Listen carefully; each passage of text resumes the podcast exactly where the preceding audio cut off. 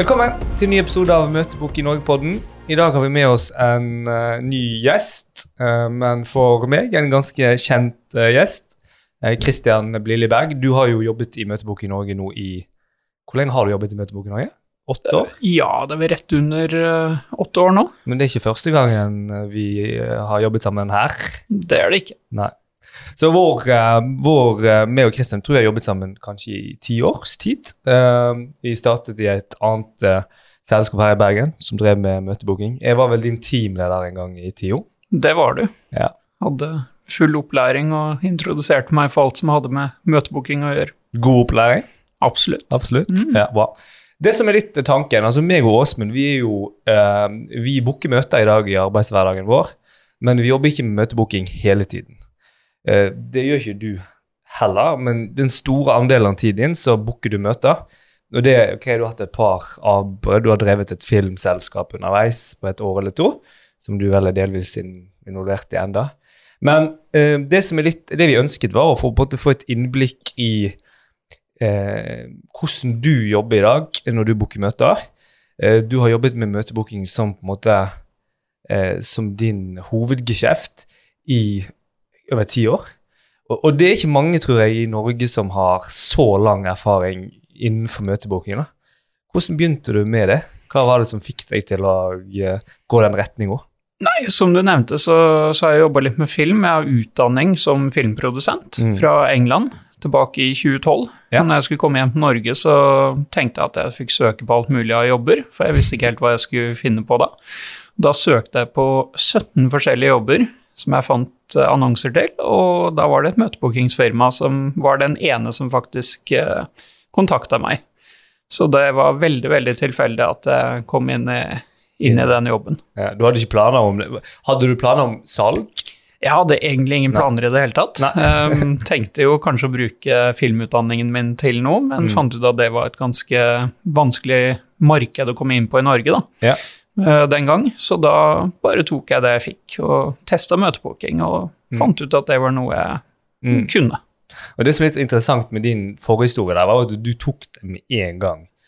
For for min del, jeg har delt i noen andre episoder. For meg tok jo det flere, altså det tok meg ganske lang tid før jeg begynte å mestre og beherske på en måte fag, og det er faktisk bookemøter. Men jeg husker jo liksom, jeg var jo jeg som hadde opplæring med deg på den tiden der, når du begynte i, eh, i det selskapet. Og jeg tror du, du booket jo, var det seks møter du booket første dagen din på jobb. Alle var vel ikke helt innenfor kriteriene, men, men du fikk seks aksept, eh, hvis jeg husker rett. Det stemmer. Ja. Jeg husker enda den dagen godt. Kan man si at du er den fødte møteboker? Ja, det er jo tror det gikk veldig på, på personligheten min, at jeg liker å snakke. Mm. Det er jo en veldig viktig ting i denne jobben her generelt.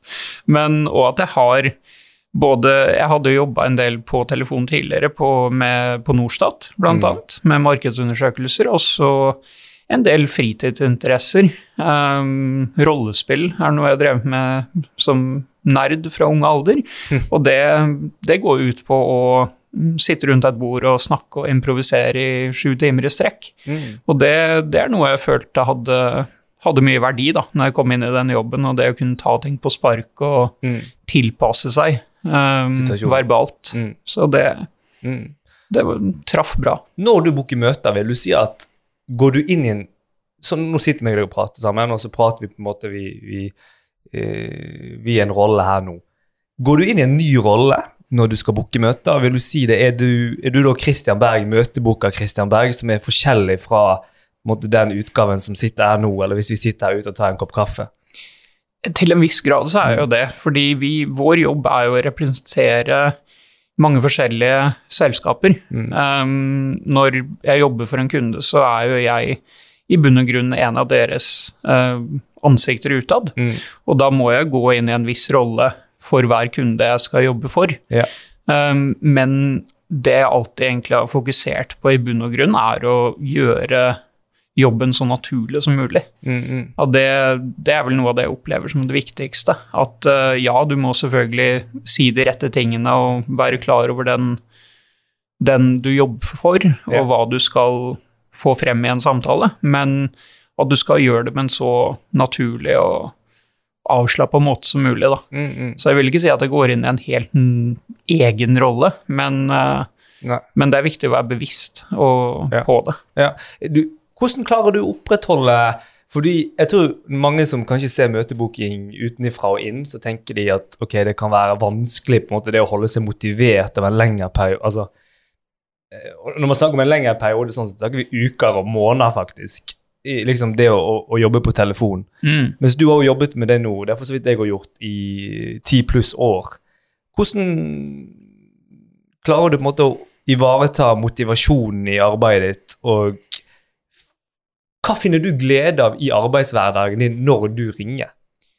Det er jo det å hente de gledene der man, der man kan. Ja. det, en av det er jo en mestringsfølelse. Ja. Den kjenner jeg på enda. Når du får etter- møter? Ja. Når, når du får et møte, spesielt hvis det var en samtale der du virkelig måtte, måtte kjempe litt, da. Hvis det er noen som, eh, som eh, kanskje var litt skeptisk til det du ringer for, eller eh, stiller mye spørsmål og den type ting. Og det å, det å kunne prestere i samtalen, Ja. det, det får jeg veldig mye ut av. For det, det er veldig mange jeg ringer og snakker med, og mange av de oppdragene jeg ringer for, som ikke nødvendigvis er noe som den jeg ringer til, satt og tenkte på akkurat der og da. Det gjør jo ikke det. Vanligvis ikke.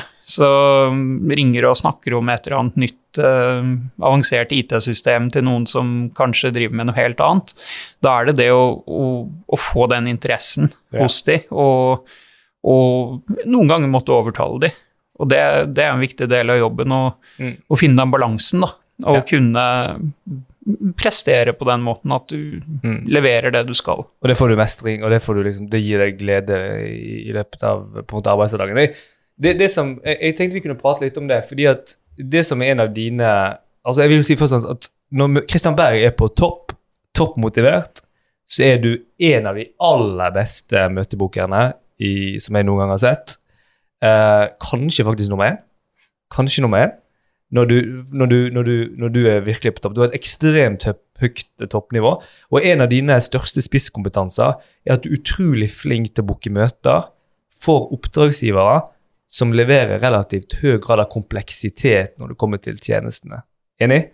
Ja. Ikke, ikke at du nødvendigvis er den beste, det trenger ikke du, du kan være litt ydmyk, men, eh, men at du er flink på, på den type oppdrag som det. Det har vært mye av det de siste årene. Ja. Og um, jeg tenkte vi kunne eh, bruke litt tid, for, sånn at lytterne kunne få et lite innblikk i, i, i, i det å faktisk booke møter for, for, for den. For, jeg tror det er veldig mange som tenker at møtebooking det er veldig sånn godt egnet hvis du selger, eller hvis du skal booke møter på telefoni, finans, forsikring, kopi og print, renhold, sånne mer sånn tradisjonelle salgsrelaterte aktiviteter. Og så kanskje tenker man at hvis det er sånn høyere grad av kompleksitet, da kan ikke man bruke ekstern møtebooking. For det blir for komplisert for møtebookeren å liksom sette seg inn i. Mm. Kan ikke du fortelle litt om hvordan du opplevde det når du først begynte å jobbe med disse oppdragene? For det gjorde ikke du helt fra starten. Det tok litt tid før vi begynte selv å jobbe med denne type oppdrag. Men hvordan det var liksom å sette seg inn i det, og, og så og, og, og ja, de erfaringene som du, som du fikk der.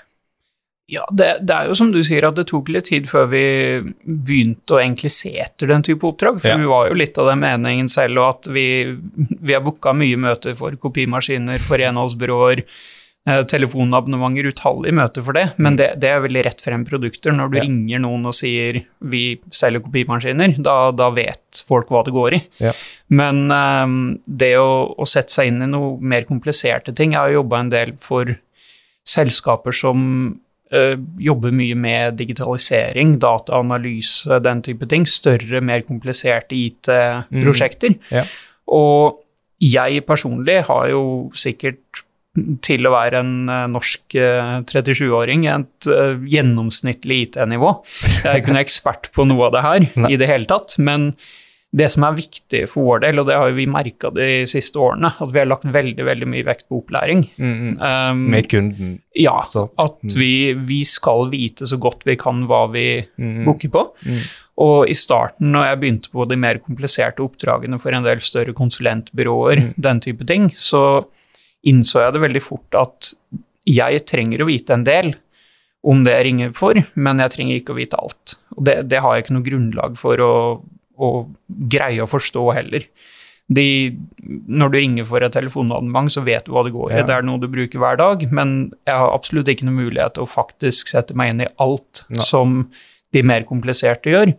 Og da er det veldig viktig å holde fokus på det vi skal. Mm. Vi skal vite nok til at vi kan skape en interesse Ja. hos den vi ringer til. Hva må du vite da, for å skape interesse, typisk? Det du må vite, er hvilke på en måte selling points da, som er viktige for den du ringer til, hva de kommer til å respondere på. Mm, At du vet du treffer med budskapet.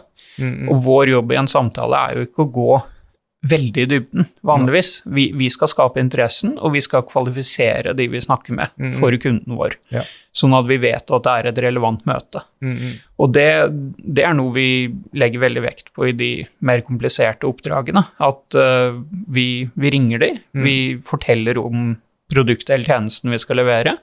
Og det som er viktig å vite, er at de vi ringer til, har sannsynligvis, eller helt sikkert, veldig mye høyere kompetanse enn meg Mm. på de tingene. Så selv om jeg forklarer ting til de og presenterer ting som jeg ikke nødvendigvis har full forståelse for, Mm. eh, så vet de hva det går i. Ja. Og så lenge vi treffer på de punktene vi vet de er interessert i, Mm, mm. og de da er, blir interessert i å ta en prat med kunden vår, Mm. da, da er jobben gjort for vår del. Og noe som også er viktig, er jo Jeg tenker ofte når vi snakker med de folkene her, at vi holder budskapet så effektivt som mulig. Mm, mm. At vi ikke kommer inn i de detaljdiskusjonene, da. Mm, mm. Og det, det er jo noe av det jeg føler også, at hvis du, hvis du ringer til en håndverker f.eks. og skal booke et møte for et telefoniabonnement eller en kopimaskin, da begynner de å stille mye spørsmål. Hvor mye Ja, koster det? det um. Um, Den type ting i samtalen. Men når du ringer litt høyere i større bedrifter, til Mm. CTO og CFO og CO for den saks skyld, så vet de gangen i det her. De Mm. vet at det du ringer for, det du vil presentere til dem, det er ikke noe du kan fortelle alt om i en samtale. Det, det må et møte til. Mm, Og mm. det, det er litt den forståelsen da, som gjør det mulig å, Ja. å gjøre den type jobber. Mm, mm. Nei, men bare, kan ikke du fortelle litt om hvordan du uh, Det er veldig interessant det du sier. og Mange, mange tenker jo kanskje det at uh, jeg, jeg tror en del som på en måte leverer komplekse tjenester eller lignende, tenker det at eh, en møtebookingsamtale må være kompleks. Uh, men det må ikke den alltid være. Litt av kunsten handler jo på en måte om det å faktisk klare å bryte det ned på en måte som gjør at den du ringer til, oppfatter hva det gjelder, naturligvis, men òg verdiforslaget som ligger til grunn. Um, og at det vi sier egentlig skal altså Det vi kaller pitchen vår, skal være nok altså Det vi sier der, skal være egentlig nok til at kunden ser verdien av å faktisk si ja til et møte. sant? Enig? Absolutt. Så kan du fortelle litt om hvordan du på en måte, hvordan bryter du det ned, hvis du går liksom mer detaljert til, verk, til verks? Eh, og når du da har hatt denne onboardingen med en ny kunde, du har fått en opplæring, du kjenner til hva de driver med, du kjenner ikke det omfattende, men du, du forstår hva de gjør. Hvordan, måte, hvis du skal bryte det ned i det, og fortelle, fortelle litt om hvordan du jobber med å lage et pitch, og, og hva er det viktig i den pitchen, og, og hvordan, hvordan fungerer det når du jobber på den måten? Som du sier, det, det, det er vel heller det motsatte, at det bør være så lite kompleks som mulig Ja, i, i min del av jobben. Mm. At kompleksiteten den kommer i selve møtet. Det er Mm. da alle detaljene kommer. Og det, det jeg fokuserer veldig på i en pitch, det er å lage et så lett forståelig sammendrag som mulig. Um, både for min del, Mm. så jeg skal kunne både si det på en god måte, men også stå inne for det jeg sier. Ja. Det, det er veldig viktig i de tilfellene her at den informasjonen jeg kommer med, at den er eh, presis, Mm. og at jeg ikke sier noe i de samtalene som ikke stemmer. Ja. Og det er jo derfor jeg prøver å holde det så enkelt og effektivt som mulig. For Mm. jeg kan ikke gå veldig dypt inn i hvordan de selskapene her jobber med tunge dataanalyseprosjekter og den type ting. Jeg må bare skape den interessen Mm, -hmm. um, og finne de triggerne Ja. som jeg vet at de jeg ringer til, sannsynligvis kommer til å være interessert i å høre mer om. Ja. Og en annen ting i pitchen er det å, Men kan, jeg- kan jeg spørre et spørsmål før du går videre? Men i forhold til de triggerne som du prater om, mm, hva er typisk Kan du fortelle litt om det? Hva er det du Um, vi skal litt forsiktig med å gi konkrete eksempler fra Mm. konkrete kunder som vi jobber med. sant? Men, men hva er det som, hva er typiske triggere? Kan du gi noen eksempler på det? Nei, det, det er jo det, noe som går igjen i mange av mine kunder sine tjenester nå om dagen, er jo det ekstremt brede begrepet digitalisering.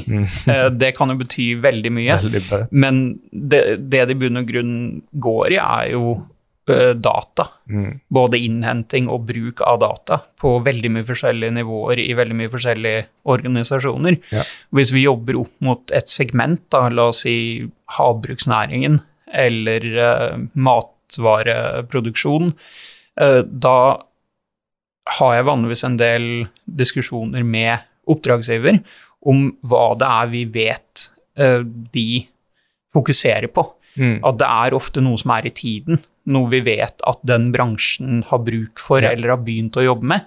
Og da er det å finne de spesifikke tingene, så det kan brukes i pitchen. Mm, mm, mm. Og det, det er noe som er veldig viktig å, å gjøre, da. Ja.